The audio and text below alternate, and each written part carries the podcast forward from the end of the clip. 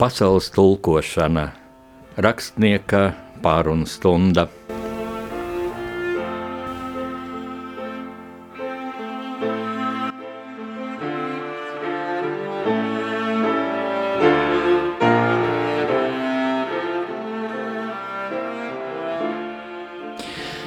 Radio Marija Latvijā studijā Jānis Udris.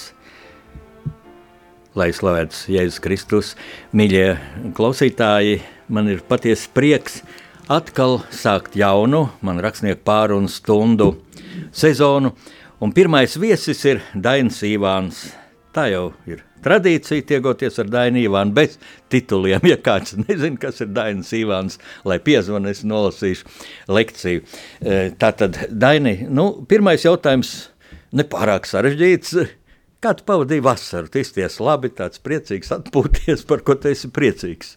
Brīnišķīgās lauka darbos, jo man ir mana saimniecība, mana dzimtā sēta, kas ir jau tur, man liekas, tūkstoši gadi ir pastāvējusi, un man, mana senču zeme, kur, nu, vasarā ir jāsaimnieko, mums ir palielas sakņdārs, augļdārs, man ir drava, 12 bišu saimes, kas, nu, ir drusku man par daudz, jo šogad gandrīz tās bites mani noslīcināja medus plūdos, bija ļoti labs ienesums, un jāsaka, ka tur es jau pirms daudziem gadiem, kad kad šī Latvijas brīvība man deva iespēju atgriezties laukos un nestrādāt vergu darbus padomju impērijas labā.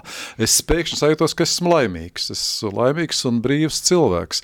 Un tāpat es baudīju arī šo vasaru, kas, protams, nebija viegli, jo man jau paralēli ir citi darbi, ir radošie darbi, divu filmu scenāriji pie uh, filmas par pirmajiem dziedāšanas svētkiem Zeme, kas dzied, kas ir iegājis finālā stadijā, būtībā tas stāsts par latviešu tautas piedzimšanu pirms 150 gadiem, un otra filma par um, pirmo saimas prezidentu Friedrihu Vesmanu, tā ir dokumentāla filma.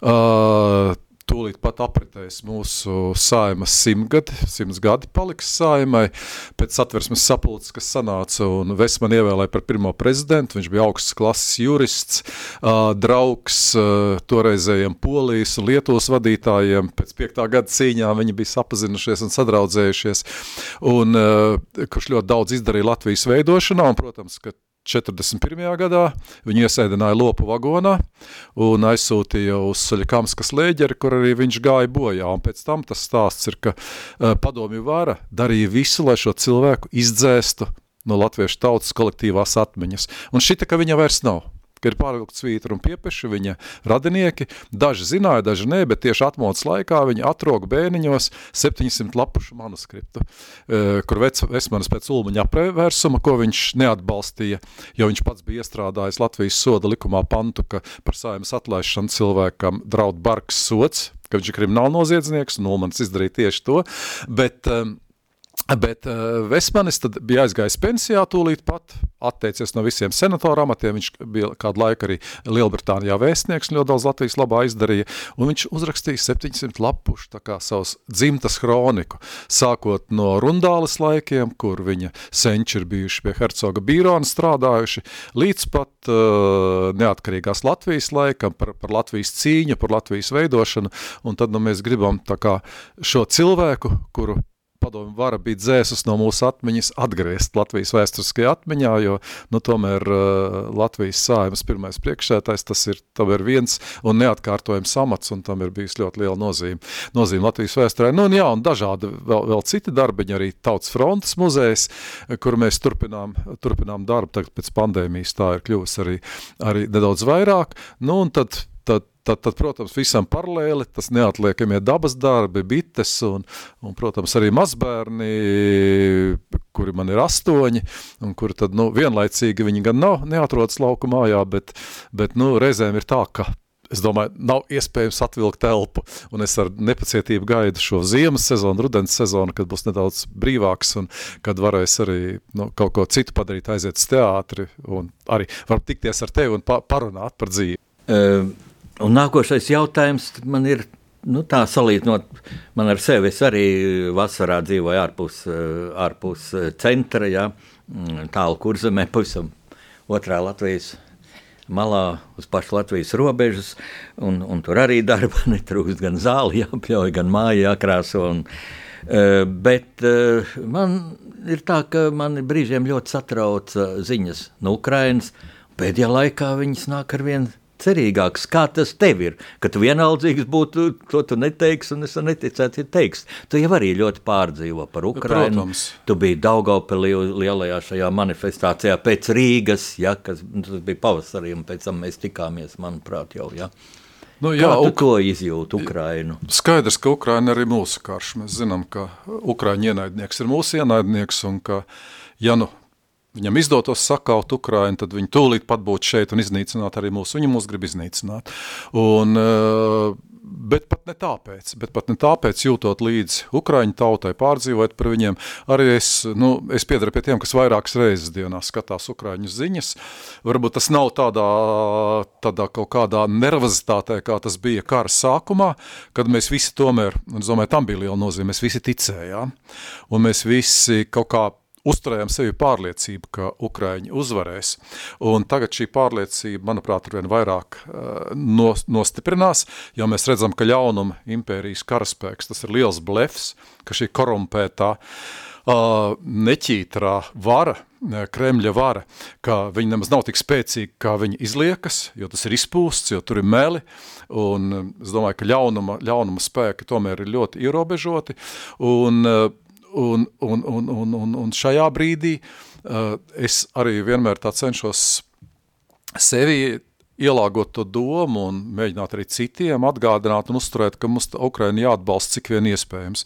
Mēs nevaram raudāt par to, ka mums būs augstas cenas par siltumu jāmaksā, ka mums no kaut kā vajadzēs atteikties, pie mums nešauj. Un tas ir pats svarīgākais. Nešai pateicoties Ukrāņiem, kuri cīnās, tāpēc ir jādara viss iespējamais, lai Ukrāņiem palīdzētu.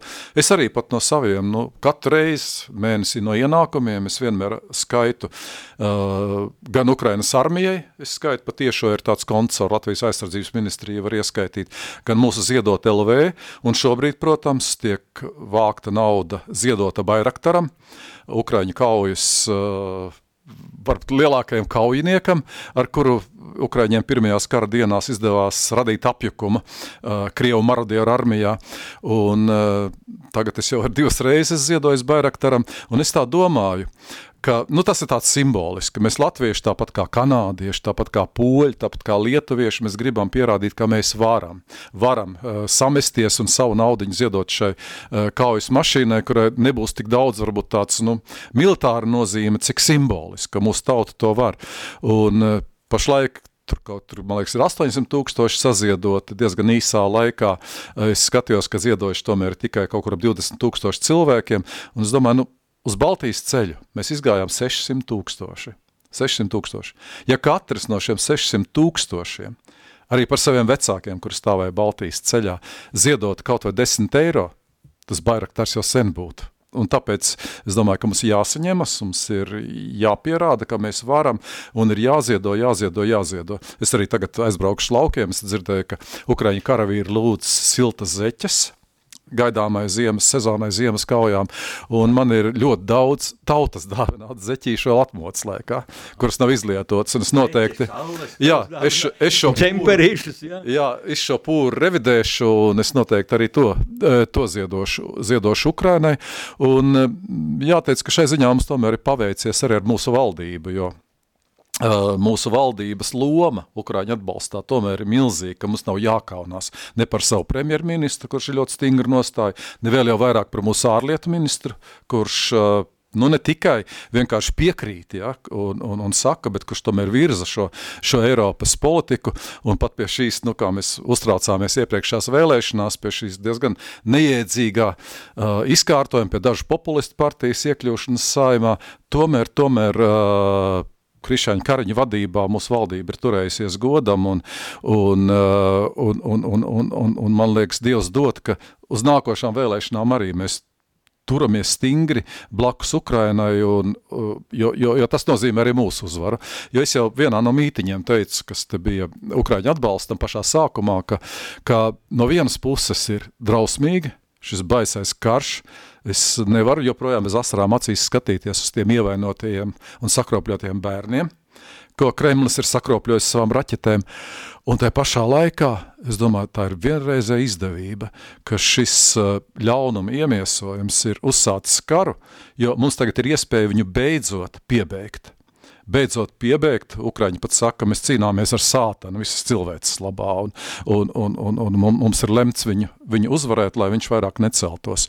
Un šo Kremļa sātanu, nu, tad es, es domāju, ka uh, mēs tomēr piebeigsim, un, un tas rada pat tādu zinām prieku. Es vēl nesen satikos ar Jānis Kaparu, kuram ir 95. gads, decembrī būs apaļ 95, un Jānis Kapars teica, nu, tā jau nevar teikt, jā. Viņš saka, bet es kaut kur, tad, kad nogāzās tas leņineklis, ne leņineklis, bet okupēklis pārdaugā, viņš saka, es sajūtu tādu milzīgu prieku no vienas puses par šo karu, ka ja nebūtu tā, Mēs vēl ilgi dzīvotu, eh, Krievijas maigā vara mūs lēnām sagraust, apēst, un nogājušas okupeks, un redz, ka pilnīgi ir kaut kas attīrījies. Kaut kas simboliski ir palicis tīrs, ir beidzies viens uh, šaubu, baiļu, nedrošības periods, un mēs esam kļuvuši brīvāki. Tas, ar citu, daudz tā saka, nu jā, tur jau tur viens pieminekli nojauks nebūs nekas. Ir jau nozīme šim simbolismam mūsu apziņā, jo man te kādreiz arī nu, jautājuši par 4. maiju, par ko mēs daudz runājam. Nu, 4. maiju jūs taču neko neizdarījāt, jūs nobalsojat par neatkarību, bet tajā pašā laikā es nekad tik daudz laimīgu cilvēku Rīgas ielās neesmu redzējis, kā 4. maijā smaidošām sejām, Kaut arī nebija izdarīts nekas, tikai nobalsots par neatkarību. Visa Krieva armija šeit, visas čekas šeit. Bet cilvēkos iekšā bija mainījies kaut kas tik radikāli un tik spēcīgi, ka mēs te brīdī kļuvām neuzvarami. Un man liekas, ka šobrīd ir šī, nu, mēs varētu teikt, tā ilgotā ceturtā atmoda, ka mēs atkal mostamies. Jā, vai tev nav tāda sajūta, Es to nosauktu, šo okupēkļu nogāšanu, par arī savā ziņā tilta nodedzināšanu, mūsu gļēvuma nodedzināšanu. Jo daudziem vienkārši, ko teiks Krievija, viņiem nepatiks, viņi apvainosies, viņi ies protestēt tie, kas šeit ir, ja, šī piektā kolona. Kur tad ir? Kāpēc neiet? Acīm redzot, viņi arī skatās, kas notiek Ukrajinā. Protams, jā, viņi, es domāju, ka viņi jūt arī to mūsu spēku, mūsu solidaritāti. Iedomājos, ka tomēr viena tā lieta ir tā milzīgā tauta solidaritāte. Ukraiņi ir mūsu draugi, e, baltieši. Eiropā šodien ir atvēršās acis, un, un, un, un rietumu politiķi sapratuši, ka viņi ir neģēlīgi krāpti visu laiku, un ka ir taisnība mums bijusi. Šobrīd ir uzvarējusi patiesība, un tāpēc mūsu ienaidnieks ir ierāvis asti kājstarpē. E, jā, mēs arī baidījāmies. Es atceros šo periodu, šos 30 gadus. E, mums gan nebija aktuāli 91. E, gadā šo pieminekli nojaukt, jo tur it kā nekas nenotika. Toreiz bija tā, ka mums Baltijas karapgabals 91. gada 23. augustā, kad mēs atguvām neatkarību, mēs laikam tad arī nojaucām 23. 24. šo Ļeņina pieminekļa centrā.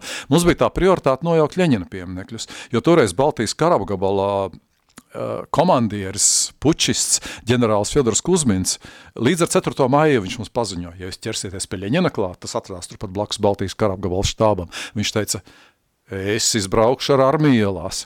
Liepājā viņa pat izbrauc tanku stāvēja, visu atmodas laiku stāvēja pie Ļeņina pieminekļa, viņi to sargāja. Un mums pat neienāca prātā, ka šis nožēlojamais neglītais, uh, nu, es teikšu, lai te nestāsta, ka te tēlnieks gulbis vai kāda tēlnieka šedevru radījuši. Viņi vienkārši pelnīja naudu uz, uh, uz, uz varas rēķina, uz konjunktūras rēķina, un viņi vienkārši kaut ko pretīgu, neglītu, Latvijas estētikā nie, niederīgi radīja, bet viņš it kā, nu, likās sočšīgs, un, un mēs toreiz varējām nojaukt, bet mēs nenojaucām.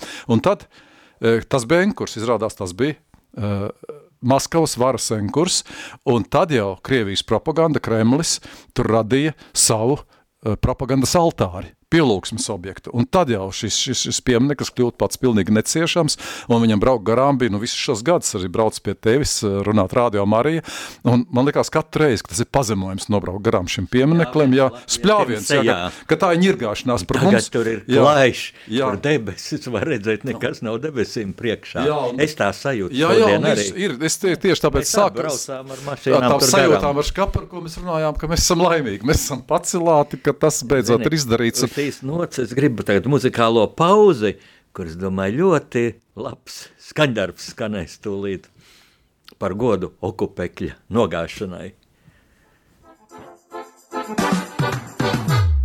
Прийшли окупанти до нас в Україну, форма новенька, воєнні машини та трохи поплавився їх інвентар. Байрактар. Байрактар. Російські танкісти сховались з кущі, щоб лаптем посьорбати довбані щі, та трохи у чах перегрівся навар. Байрактар. Байрактар. Приперли зі сходу до нас барани для восстановлення великой страны. Найкращий пастух баранячий хотар. Байрактар. Байрактар. Їх доводи всяке озброєння різне, потужні ракети, машини залізні. У нас на всі доводи є коментар. Байрактар. Байрактар. Вони захопити хотіли нас зразу, а ми зачаїли на орків образу з російських бандитів. Робить примар. Байрактар. Байрактар. Російська поліція справи заводить, там пихцю рашистів ніяк не знаходить, хто винен, що в нашому полі глухар. Байрактар. Байрактар. Веде пропаганду кремлівський урод, слова пропаганди ковтає народ. Тепер нове слово знає цар. Байрактар. Байрактар. Байрактар. Байрактар. Байрактар. Šeit radio Marija Latvijas skan rakstnieku pārunu stunda. Pasaules tulkošana ar jums runā Jānis Udrs, mans viesis ir Dainis Ivāns un Daini, redz, cik eh, zīmīgi. Tu jau raidījuma pirmajā daļā minēji par ziedojumiem šim Bairaktaram, jā. Fa- Fantastisks bezpilota lidaparāts, ārkārtīgi efektīvs, ko vien izrādās Turcijā. Kad brāļi uzkonstruējuši ģeniāli, nu, bet tur ir tāda elektronika, kas krievu militāristiem, es domāju, šodien neredzēt kā savus ausis bez spoguļa, jo vi- viņiem jau rietumi nepārdod, un arī Taivāna nepārdod šo smalko elektroniku vairāk, ja, un bez tā mu, modernā tehnika nestrādā. Nu, tikai laikam var atkārtot to aicinājumu, ko tu teici, lai tā kā mēs gājam uz Baltijas ceļu, lai tā kaut mazumiņu katrs noziedošim Bairaktaram. Jā, jo es domāju, tā būtu tāda milzīga, domāju, priecīga un laba apziņa, ka šī kaujas mašīna, kur aizstāv Ukraiņus, Ukraiņu bērnus, sievietes, Ukraiņu armiju un uh, gal galā arī mūsu pašus, ka viņi lido debesīs un katrs mēs tā esam kaut ko, kaut ko ziedojuši, ka, ka mēs esam panākuši. Uzkrāsot Latvijas karogu. Droši vien tas tiks izdarīts, jo es saprotu, ka iepirkšana notiks noteikti caur aizsardzības ministriju, un eh, redz, nu, mēs jau laikam nevaram cerēt to, ko lietuvieši, lietuvieši saziņoja, saziedoja milzīgi ātri tam Bairaktaram, un turki tad nolēma, ka par godu tam šī pati firma, šie brāļi, ka viņi to Bairaktaru vienkārši uzdāvinās, uh, uzdāvinās, citām- un nauda citām vajadzībām. Nu, varbūt tagad arī tā Bet, būs. nu, vienalga, jebkurā jāsaka, gadījumā tam jābūt ir mūsu Bairaktaram, ar Latvijas Bairaktaram ir jālda Ukrainas debesīs, un eh, es domāju, ka vēl tas ir, mēs šo dziesmu klausījāmies. Uh, Mums jau pavēra arī šis karš, karš to, ko mēs nezinājām, šo fantastisko, skaisto ukraiņu kultūru, ukraiņu dziesmas, ukraiņu mūziku. Tagad ukraiņu literatūra, kas tulkot, ka tā ir viena liela eiropeiska kultūras tauta, un ka varbūt, ka mums ir vairāk jādomā par Ukrainu, nevis katru rīt ziņās jāklausās, ko dara viens trakais Putins savā Kremļa vai kādā tur Krievijas bunkurā. Tā ir ļoti laba doma. Jā. Jā, kad, um, jā, no divām daļām, jā, gan ukrāņu kultūra, gan trakais Putins. Jā. Un mēs kādreiz tā ļoti satraucamies un cenšamies atmaskot Krievu propagandu. Kaut kur šorīt rādio dzirdēju, pa kādā diskusija raidījumā, nu, tad mēs tad runāsim par Krievu propagandu, atmaskosim. Man ienāca prātā ķecerīga doma, tur jau vairs nav ko, ko, ko atmaskot. Katrs cilvēks, kam ir kaut kāda domāšana, jau saprot, tas viens idiotisms, viens vai, vaiprāts. Es tikai vienu lietu gribu pateikt par um, ārlietu ministru Lavrovu. Jā? Ka bija tā diskusija, kāds viņš stulbens un tāds, un viņam tas stulbums pa ģīmiju parādījies, un es sāku analizēt, jā, nu, uh, es negribu teikt, ka Lavrovs ir stulbens, domāju, ka viņam situācija daudz traģiskāka ir, jā. E, viņš kā diplomāts ļoti pieredzējis, viņš pārstāvēja Krieviju ANO, un tur runāja, un neviens neteica, ka stulbens, viņam laba izglītība, viņš kā viņam bija iestādījums, un tā viņš runāja. Un pēkšņi cilvēkam, kam bija savas smadzenes, savu domāšanu, savs viedoklis, jākļūst par ko ķēdes suni, īsā saitītē vienam trakam militāristam, pat ne militāristam, ne no militārām aprindām, bet trakam čekistam. Jā, nē, jā, jā tur jau. Kurš starp citu padomu laikā bija diezgan zemā amatā Austrumvācijā. Viņš pat nebija spējīgs. Tad viņš ir mazvērtības kompleksiem pilns un tādā atriebis. Un šim te Lavrovam, pieredzējušam diplomātam, jābūt kretīnam un jāatkārto, ko viņam liek. Šis te, tas ir daudz traģiskāk, daudz bīstamāk, ja viņš ir prostitūta, politiska prostitūta, un, un līdz ar to viņam ģīmes pat pārmainās. Viņam tiešām parādās kaut kādas tādas uh, nu, dzīvnieciskas sejas, sejas izteiksmes. Jā. jā, tur jau arī tā pirmā informācija, kas noplūda no tuvām aprindām Kremļa, ka Lauram pašam bija šoks šī kara sākšana, jo, jo, jo trakais... Viņš negribētu, ne, viņam bija kā saprāt, jā, jo trakais Kremļam... turies vai ne? Jā, viņam kamēr... jāturas, jo viņi visi sasmērējušies. Nu, tas ir tā kā Hitleru. Vis, visa uz, nacistu kliķe, visi šie rašisti, sola. viņiem ir startautiskā tribunāla visiem vieta, un neviens no viņiem vairs no tā nevar izvairīties. Šai tiesai būs jābūt, vai vai, vai Putins tur tiks tiesāts sēdēs, vai viņš tiks pakārts, vai viņu kāds novāks vai kaut kā citādi, bet šis, ar, šo, ar šo karu viņš ir uh, tuvinājis arī savu galu, par to vispār nav nekādu šaubu, tāpat kā visi, kas viņu atbalsta. Un šai ziņā, nu, tu arī vēl teica par to, cik mierīgi šī pieminekļa nojaukšana bija, jo varbūt šis karš atkailināja arī to patiesību, ka arī tie, kas šeit slavina un uh, visādā veidā atbalsta šo rašismu, būtībā nacismu Krievijas, ka arī viņi var nonākt uz uh, kara noziedznieku uz notiesāto soli. Un, uh, nu, man liekas, ka viens otrs cilvēks arī par to ir tā padomājis, jo, jo Ukrainas armijas panākumi un visas pasaules palīdzība, visas pasaules milzīgā solidaritāte parāda tikai vienu, ka Kremlim izredžu vairs nav nekādu tam Kremlim, kas, kas, kas pašreiz valda Krievijā. Jā, ja runājam par to, ka nu, nekāda tāda nopietna reakcija šeit no piektās kolonas nav nākusi, jā, Nu, jau tas laiks ir pāri, tas nu, viņam bija. Un bija arī sarūktinājums, nu, var pat saprast, viņš tur gāja savus puķītes nolikt, un tad nebūs kur iet. Un tad tā baida, viņi tāpat turies, nu, lai iet, nu, bet tādu, tādu Latvijai naidīgu pulcēšanos, es domāju, policija nepieļaus, ja, nu, ja kāds tur uh, zāles mauriņā noliks puķis, nu, nekas nenotiks, jā, bet, nu, nekādas mītiņas tad jāpiesaka, un es domāju, ka, ka provokātoriski mītiņi netiks pieļauti, ja, kā kādreiz pieļauti. Ušakovu laikā, kad es starp citu internetā joprojām man tāda intervija pēc manas grāmatas iznākšanas. Mm, 13. gadā tas bija, ka pie brīvības pieminiekļa sadūrās cilvēki 16. martā, kas, no, kas iet godināt mūsu mm, traģisko vēsturi, un bija tāds Latvijai naidīgs sabats no Ragana. Turpat blakus, un tad es rakstīju internetā un teica intervijā, ka vai Rīgas domi vada provokātori vai idioti. Tā ar atbildi netika dota. Ja. Lūk, bet eh, redz, kas paliet, pavisam drīz ir vēlēšanas. Ja. Nu, tur piedalīsies arī spēki, kas ir Latvijai naidīgi, un kuriem tagad viņi izmanto iespējas arī savas idiotiskās idejas paust. Ja. Um, Es varu tikai atkārtot tavus vārdus vēlēšanu sakarā, kā tu teici, šī bairaktara sakarā. Tāpat kā mēs gājām Baltijas ceļā, tāpat ir jāiet vēlēšanām šoreiz. Jo, ja neies, ja būs šis dumjais teiciens, es neredzu, pa ko balsot, tad es neju. Aizēju, sēdi, paņem to sarakstu, lasi, vai ne? Katrā partijā, katrā sarakstā droši vien ir kāds, kas tev nepatīk. Jā. Es, es nevis par tevi, Dainu, to saku, tu ies, tu ļoti labi orientējies politikā, bet tiem, kas tā saka, jā, jā. es neiešu un tā.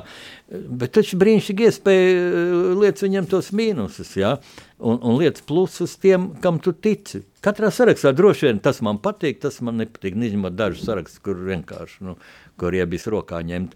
Eh, vārdsot kritērijs, domāju, ir, ko viņš dara Latvijai, cik godīgs viņš ir Latvijai? Vai viņš nav, nav jau bijis pie varas, bijis jau saimā, bijis valdībā un nav sacūkojis savu, savu tēlu? Nu, vilks, kā saka, nemainās, nemaina savu, savu pretīgo raksturu, viņš plēš tās aitas. Tā viņa plēsīs Latviju, mēs ar savu vienaldzību pielaidīsim. Nu, te ir arī jādomā par to, ka arī mūsu ienaidnieki nemitīgi cenšas izplatīt vēstījumu, ka Latvija ir neizdevusies valsts, neizdevusies pirms 30 gadiem absolūta Krievijas kolonija ar, ar 300 militārām bāzēm, ar Baltijas karagabalu štābu, ar neskaitāmām spēcdienestu vienībām, kas šeit atrodas, un mēs izrāvāmies. Mēs izrāvāmies, kaut arī mūsu stāvoklis bija daudz sliktāks nekā tas bija Lietuvā un Igaunijā, un tas, ko mēs esam sasnieguši, nu to nevar nemanīt, un tas, tas ir sasniegums, tāpēc mūsu ienaidniekam tas kremt, viņš cenšas mūsu cilvēkiem iestāstīt šo pašnoniecināšanos, pašnonievāšanos, paššaustīšanos, un Un tad vēl tā, tā otra doma, nu mēs jau cilvēciņi neko nevaram mainīt. Nu, piedodiet, ja mēs tā būtu domājuši 1989. gada 23. augustā, kad 600 tūkstoši kas vien varēja kustēties, izgāja uz Baltijas ceļu un sadavās rokās, Latvijā vien, denot pa Lietuvu un Igauniju, tad uh, mēs joprojām dzīvotu kaut kā, nu, pat, pat nedzīvot tur, kur bijām, mēs dzīvot kaut kā vēl briesmīgākā sistēmā, mēs dzīvot tādā pašā Krievijā, tādā pašā Baltkrievijā, kādas tās reiz mūsu kaimiņu zemes robežām. Vai mēs to gribam? Tātad cilvēks var ietekmēt, cilvēkiem jāceļas, atceros, kā 4 pirms 4. maija bija šis 18. marta vēlēšanas 90. gadā, kā cilvēki pat invalīdi ratiņos, viņu stūma uz vēlēšanu iecirklē, viņi aiziet un nobalso, un nobalsoja pār par 90% vēlētāju. Nu, lai nav tā kā uz pašvaldību vēlēšanām, ka aiziet 30%, un tas ir, tas īstenībā noziegums gan pret savu valsti, gan arī pret saviem bērniem, kuriem būs dzīvot šajā, šajā zemē. Tā kā, un, un tad vēl tas viens, ja, ka, nu, Latvija jau neatkarīga, un tur kaut kur Briselē lemj, kaut kur NATO lemj. Mēs jau, mēs jau neko. Nē, Latvija ir atbildīga par, par savu tagadni, par savu nākotni, un eh, man jāatkārt tas, kas vienmēr saku. Nu, nav tā, ka mēs vienreiz izcīnām neatkarību, mēs kaut ko sasniedzam, tas ir uz laikiem. Mēs jau redzam Ukrainu. Nav uz laikiem. Katrai paaudzei ir jāpierāda, ka mēs esam gatavi cīnīties un pastāvēt par savu neatkarību, ka tā nav dāvana, ka mēs to aizstāvēsim ar zobiem, nagiem, ar ieročiem, un tieši šīs vēlēšanas kara laikā, kad mēs esam ierauti karā, lai ir apliecinājums tam, ka mēs negrasāmies padoties, ka mēs iesim, mēs cīnīsimies, mēs šoreiz mēs atdosim savu balsi, lai varbūt mums nav jācīnās ar ieročiem rokās, lai pie mums neatnāktu šie okupanti, lai mums nelidotu, nelidotu raķetes, un, un, un, un šoreiz ir jāpierāda, ka mēs varam. Un jā, un saka, nav izvēles. Izvēle šobrīd ir ļoti liela. Es domāju, jau, ja mēs raugamies uz politiķiem, kas sev pierādījuši, es pirms dažām dienām klausījos vēsturnieka profesora uh, Strangas uh, interviju Brīvības bulvārs Latvijas rādio, un uh, Stranga teica, ka šo, šis ir tas brīdis, kad Latvijas valdība starptautiskā līmenī, nacionālā līmenī ir pierādījis savu varēšanu, pierādījis savu gribu ka mēs neesam kaut kādi ņuņņas, kas ir padevušies, bet kuri ir uh, droši devušies palīgā Ukrainai un kas ir arī pratuši, domāju, veiksmīgi pārvarēt šīs krīzes, kas tie ir iekšienē. Un tāpēc, manuprāt, ir tam vēlētājiem jāraugās uz tiem cilvēkiem, kas ir kaut ko izdarījuši kas ir sev pierādījuši un kas ir prognozējami.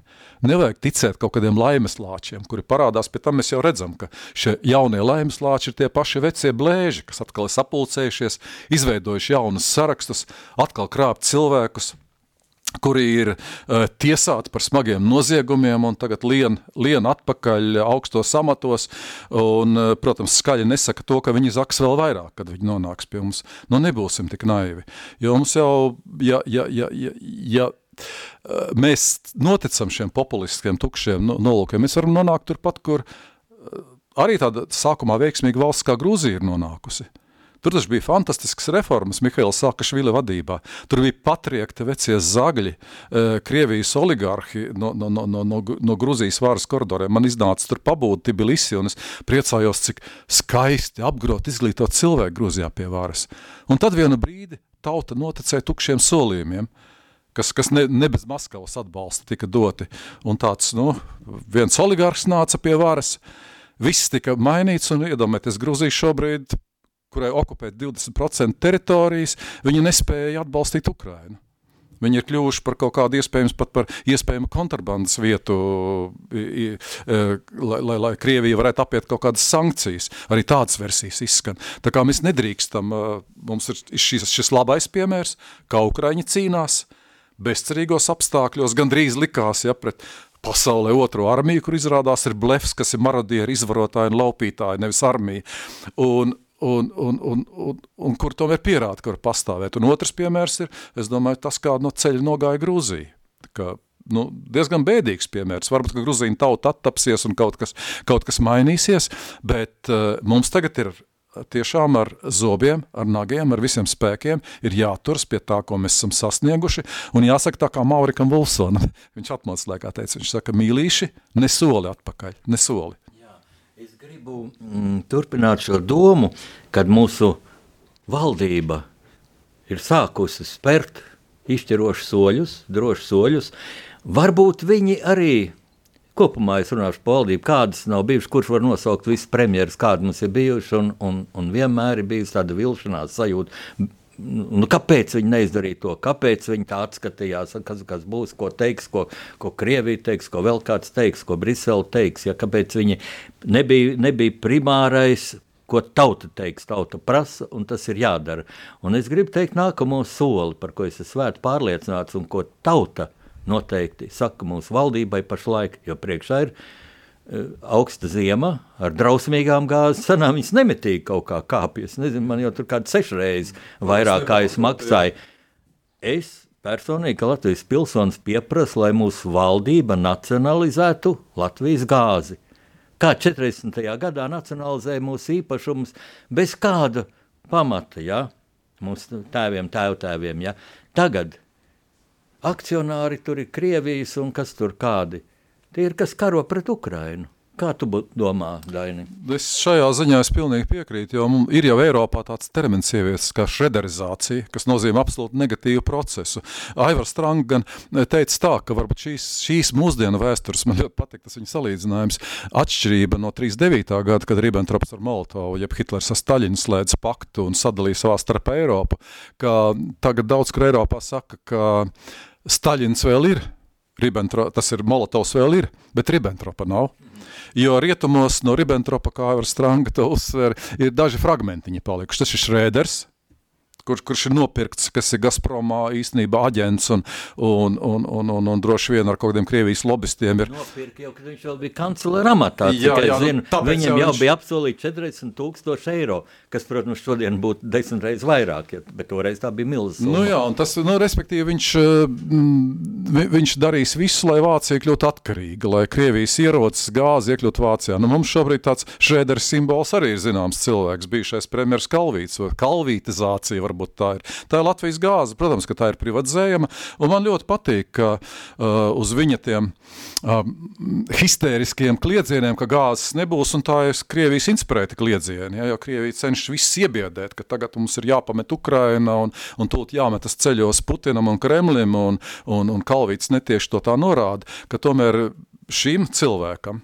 kas ir Krievijas uzņēmuma vadītājs, būtībā Krievijas uzņēmuma vadītājs, ka viņam diezgan asi un principiāli iebildes mūsu premjerministrs Krišāns Kariņš, kurš es saprotu, ka tas, ko tu prasi nacionalizācija, ka tas arī ir tas, uz ko šobrīd, man liekas, orientējas mūsu, mūsu valdība, un tā tam, tā tam vajadzētu notikt šādam e, Krievijas uh, uzņēmumam. Nevajadzētu atrasties Latvijā. Un, protams, ir jādomā arī par to, ka, ir, ka šis ir tas īstais brīdis domāt par tām alternatīvām en, en, enerģētikas, jo nu, to, ka kādreiz gāzes pietrūks un naftas pietrūks vispār pasaulē, nu, cilvēks to zina tas būs. Bet neviens negatavojas, jo visu laiku ir.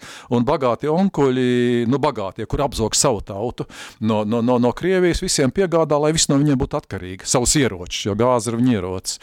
Nu tad mums tagad ir īstais brīdis parādīt, ka mēs meklējam alternatīvu un lai sēž, lai tie bandīti sēž uz savas gāzes, lai viņi ēt to gāzi, dzer to gāzi, bet uh, no tā viņi pāēduši netiks, ja? bet, bet mēs atradīsim cits veids, kā izdzīvot. Es klausos tevi, un es pēkšņi ieraudzīju tā, ka atkal mūsu tauts stāv Baltijas ceļā, šoreiz tas būs vēlēšanas, vēlēšana diena, un ka tur starp kaut kādām skaistām meitenēm, tautas starp vecām momītēm, maziem bērņiem stāv arī mūsu valdības vīri, pašreizējie un tie, kas būs parlamentā pēc šīm vēlēšanām, ka tie ir godīgi, cilvēki, godīgi patrioti. Tad es gribu nākamajā muzikālajā pauzē e, turpināt šo vīziju par Baltijas ceļu. Kas turpinās? Kas turpinās, kas turpinās tieši tā.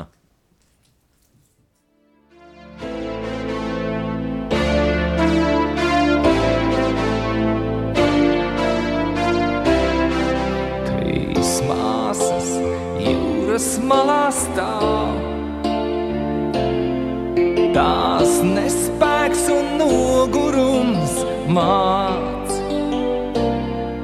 Tur bradāta zeme un vēseles, trīs tautu gods un prāts.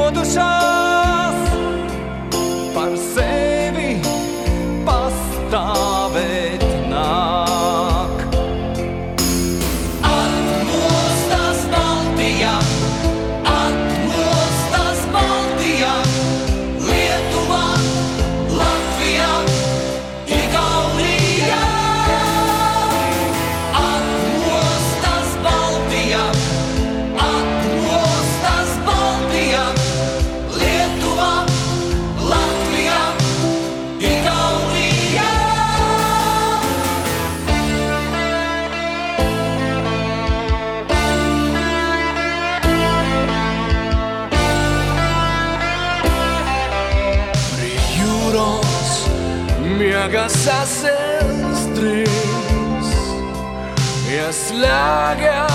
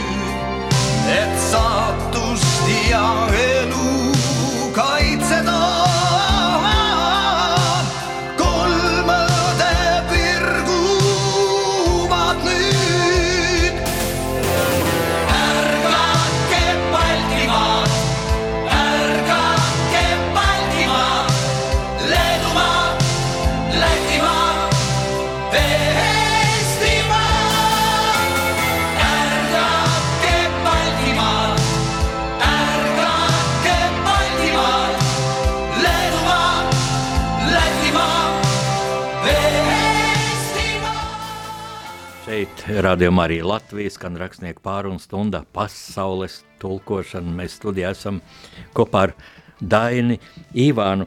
E, Daini, man e, klausoties šo dziesmu, man vienmēr asars acīs, bet es atceros ar tādu interesantu faktu, ja? Faktiski pavisam nepiedienīgā kontekstā varbūt atceros nomira arī Gorbačovs pavisam nesen, tad visu pasauli to komentē, un atkal tāda atmiņa epizode, kad es, nu, jau diezgan sen atpakaļ biju mm, otro reizi Ķīnā, un es vadīju Latvijas žurnālistu delegāciju, un līdz ar to mūs pieņēma mm, tādā vakariņu formā mm, ļoti augsta ranga ķīniešu kaut kāds priekšnieks. Un sākām runāt par Gorbačovu, Un viņš saka, nu, jūs latvieši Gorbačovam noteikti esat ļoti dziļu pateicību parādā un izjūtat ļoti dziļu pateicību. Es teicu, par ko? Par ko? Sorry, par ko? Viņš jums iedeva neatkarību. Es saku, piedodiet, viņš neko, viņš nevarēja mums iedot, burtiski tā teica, viņš bija pārāk vājš, lai dotu vai nedotu, ja? Nu, bet kā tad jūs kļuvāt neatkarīgi, jūs maza, maza tauta, uh, vai jūs varējāt karot ar Krieviju? Ne ar Krieviju. Mēs nevarējām karot, un es pēkšņi iedomājos, ka ķīnietim ir jāpasaka tā, kā viņš saprot, divreiz, divi, četri. Jā. Un man momentā kaut kāda tāda doma galvā, lūk, tāda, tāds formulējums. Mums vēsture deva iespēju, un mēs bijām gatavi to iespēju izmantot. Tagad tavs komentārs. Jā, mēs uh, pratām, nu, varbūt ne pirmo reizi vēsturē, bet uh, katrā ziņā šī bija otrā reize 20. gadsimtā, kad mēs izgājām tauta kā uzvarētāji. Mēs uzvarējām. Arī otro pasaules karu mēs pabeidzām ar, ar šo savu balsojumu par neatkarību.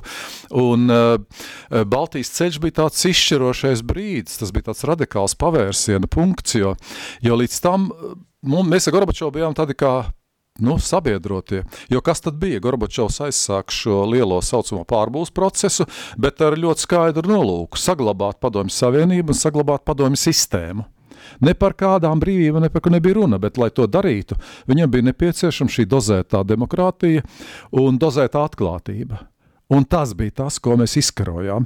Tiklīdz viņš pavēra spraudziņu, mēs ielikām kāju un mēs pavērām plašāk durvis. Galu galā arī grandiozā Baltijas ceļa akcija bija atbilde Gorbačovam, kurš visu laiku liedzās pēc Restāvas deputātu kongresā iekļaut jautājumu par Ribbentrop-Moltovu noziedzīgo paktu. Un tad mēs spriedām Baltijas tautu kustību līderu sākumā, tas bija jūnijas 89. gads, ka vajag kaut ko lielu lai Gorbačovam parādītu, ka mēs neesam ekstrēmisti sauņi. Viņš tieši tāpat runāja kā pāri impērijas. Jūs esat ekstrēmisti, visi mīl lielo Krievu tautu, jūs būsiet padomju savienībā, tauta ir pret.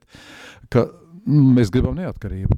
Un tad uh, nāca ierosinājums, ka varētu būt sadošanās rokās. No sākuma pat bija doma, no, uh, sākot no Rumānijas līdz Somijai, līdz vis, visās valstīs, kuras uh, ir skāris Hitlera un Staļina līgums un, un, un Eiropas sadalīšana. Bet, nu, protams, uh, uz Polijas robežas stāvēja padomju karaspēks, un mēs ar poļiem nevarējām sadoties rokās, kaut arī poļi to būtu gribējuši. Kaut arī Polijā jau bija tikko nogāzta komunistu vara, poļi bija pirmajās brīvajās vēlēšanās uzvarējuši, un mums Ita Kozakeviča, kas bija tāda saikne starp starp Latviju un Poliju. Viņa visu laiku nemitīgi teica, mums vajag kā poļiem tūlīt vēlēšanas un tūlīt nostās komunistus. Mēs nevarējām, bet mēs organizējam šo Baltijas ceļu visā, vi, visā garumā, lai pierādītu, ka aiz mums stāv tauta un aiz mums stāv solidaritāte. Tad vēl nebija tāda pasaules solidaritāte, kad mēs Baltijas ceļā bijām stāvējuši. Tad arī pasaules sabiedriskā doma, kuri bija tādi aizdomīgi, nu, jūs runājat ar Gorbačovu un tam līdzīgi, bet viņi ieraudzīdami šo brīvības ķēdi, uh, Viņu domas mainījās, un sabiedriskās domas spiedienā mainījās. Man pat bija tāds mm, gadījums, kas to apliecināja, starp citu, ar tiem pašiem ķīniešiem. Es gan nezinu, vai viņi bija no lielās Ķīnas, kontinentālās vai no Taivānas. Es lidoju 89. gada novembrī uz Austrāliju, un lidmašīnā blakus sēdēja ķīniešu pāris, kuriem es nekādīgi nevarēju izskaidrot, no kurienes es nāku. Jo viņi nezināja ne Zviedriju, kas teica, ka Latvija turpat Baltijas jūrā otrā pusē, ne, ne, ne, ne, ne Latvija, kur atrodas. Un tad es viņiem saku, nu, Nu, mēs organizējām Baltijas ceļu, un saprotiet, viņi to bija redzējuši. Viņi sāka raudāt un man apkampa te lidmašīnā. Abi divi, gan vīrs, gan sieva. Tas nozīmē, kāds spēks bija tam Baltijas ceļam, un ka mēs bijām pilnībā izmantojuši to iespēju, kas bija dota. Bet savukārt Gorbačovam, kuram mēs bijām vajadzīgi, viņš pats to atzina, jo Gorbačova pat šīs niecīgās pārmaiņas, un pat viņa labos centienus saglabāt padomju savienību, nu, tā, nezinu, tā jocīgā tauta Krievijas sabiedrība neatbalstīja. Viņa jau, viņa valdībā, PSRS valdībā neboikotēja tikai Ševardnādzes Gruzīna vadītā ārlietu ministrija, pārējie viņu boikotēja. Un Gorbačova padomnieks Jakovļevs, tad viņš pats man to ir stāstījis, teica Mihails Sergejevičs, jums nav uz ko citu paļauties, kā uz Baltijas tautu kustībām, jo tur dzims demokrātija, tur ir kaut kāda tautas cīņa un iniciatīva, un jūs nedrīkstat aizliegt šīs kustības, un tāpēc viņš neaizliedz, kaut arī viņš memorās vēlāk ir pieminējis, ka, jā, ka viņam jau radās nelāga aizdomas, ka šīs Latvijas tautas fronta, Igaunijas tautas fronta un Lietuvas tautas kustība sagraus padomju savienību. Vai viņš toreiz tiešām to nojūt, nezina, bet to viņš savās atmiņās, atmiņās minējis. Un, protams, ka arī mums viņš bija tajā brīdī izdevīgs. Ja, mēs bijām ar, ar Gorbačovu vārdu, mēs varējām doties savā virzienā, bet mūsu ceļi šķīrās tieši ar Baltijas ceļu. Tieši ar Baltijas ceļu, kad Gorbačovs uh, bija viens no dalībniekiem draudiem, kas 26. augustā parādījās, kad teica, ka Baltijas tautas apdraud savu eksistenci, rīkojot šādus ekstrēmistiskus pasākumus. Respektīvi, tas bija draudz tūlīt, mēs brauksim jums virsū ar tankiem, un tad bija preses konference, kur viņš kliedza. Es vēl tagad vizuāli to redzu. Nekur jūs neaiziesiet, nekur jūs netiksiet. Un tad Tieši tad, pēc šī, šī, šī, šī, šīs viņa runas, sekoja Tautas fronts otrais kongress, tas bija oktobris.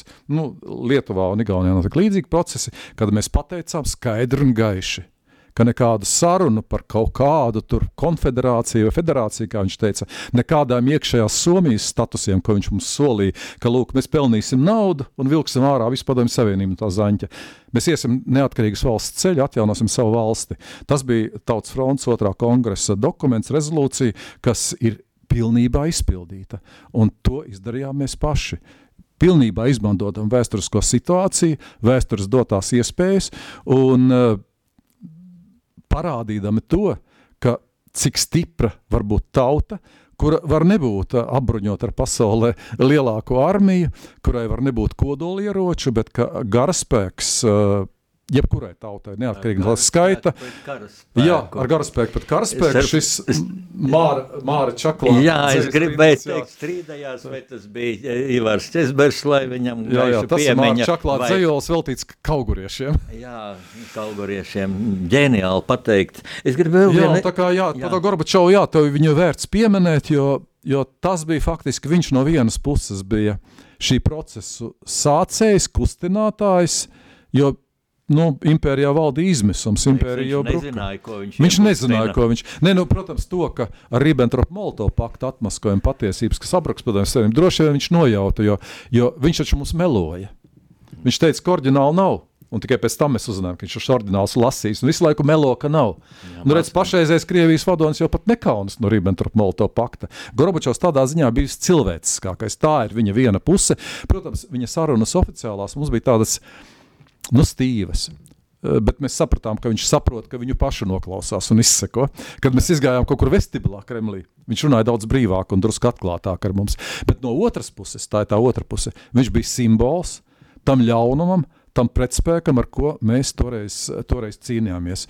Tāpēc viņš tāds arī ieies Latvijas kolektīvajā atmiņā, kā reformators, kura reformas pašam negribot deva mums iespēju, un kā mūsu pretspēks, pretpols, kuru mēs uzveicām. Es gribu vēl vienu epizodi atgādināt par Gorbačovu, kad viņš teica, nu, pret mūsu neatkarības centieniem, tautai vēl jāpaprasa. Viņam ir tāda taktika, bija, nu, tur, teiksim, tur Latvijas delegāti un tā prasa, kas jūs bijāt jā, šajā PSRS parlamentā. Ļoti, starp citu, gudra taktika tā bija, pārgāja ļoti gudrā stratēģija, ka jūs tur sēdījāt Maskavā. Un ļoti skaļi, šokējoši skaļi priekš tā paša Gorbačova, priekš viņa kliķes, ja, mm, deklarējāt mūsu prasības. Tautai vēl jāpaprasa, un ko tauta darīja, arī tautas fronte aicināja, sūtīja Gorbačovam šīs telegrammas.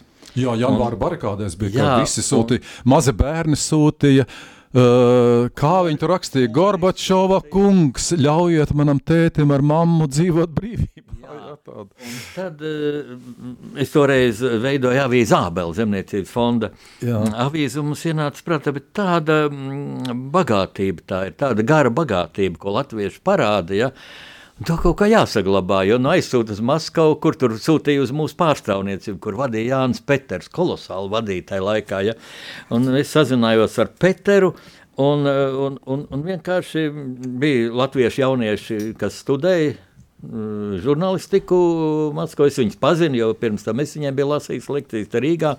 Viņi atveda vienu lielu kaudzi eh, šīs telegrāmas, un mēs izdevām brošūrā, kas ir eksponēts Tautas frontes muzejā. Jā, jā. jā mums bija sarīkojums veltīts šīm te telegrāmām. To ir vērts paskatīties, jo vienīgi, ko mēs aizkrāsojam, ka cilvēki konkrēts adreses raksta, jo darbojās jā. vēl valsts drošības komiteja, tam varēja būt represijas. Mēs vienīgi atcēm tur no Krāslavas, no Reizeknes, no Vēstures. Ventspils, tā tik daudz, ja, un vārds tā. Nu, lūk, eh, mēs atcerējāmies ļoti būtisku tādu tautas pārbaudi. Mm, Baltijas ceļus vēl grib atgādināt referendumu par valsts valodu, ja šo drausmīgo piek, piektās kolonas būtībā panākumu eh, izprovocēt tādu referendumu. Tas bija briesmīgi, arī mūsu ne, ne, nesagatavotība.